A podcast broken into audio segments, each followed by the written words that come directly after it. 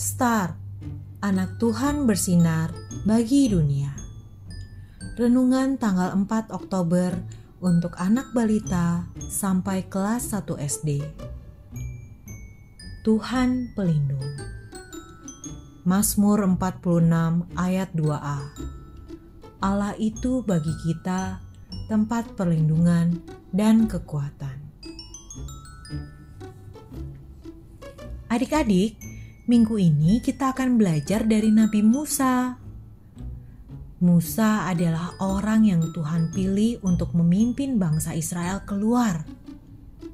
Keluar dari mana ya? Keluar dari Mesir yang menakutkan.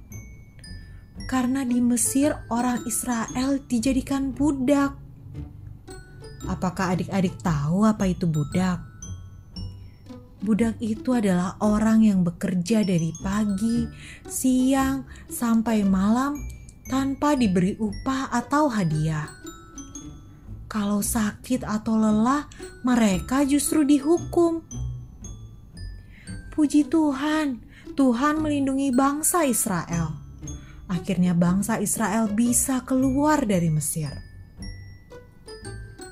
Adik-adik, yuk kita tuliskan doa kepada orang-orang yang butuh perlindungan Tuhan.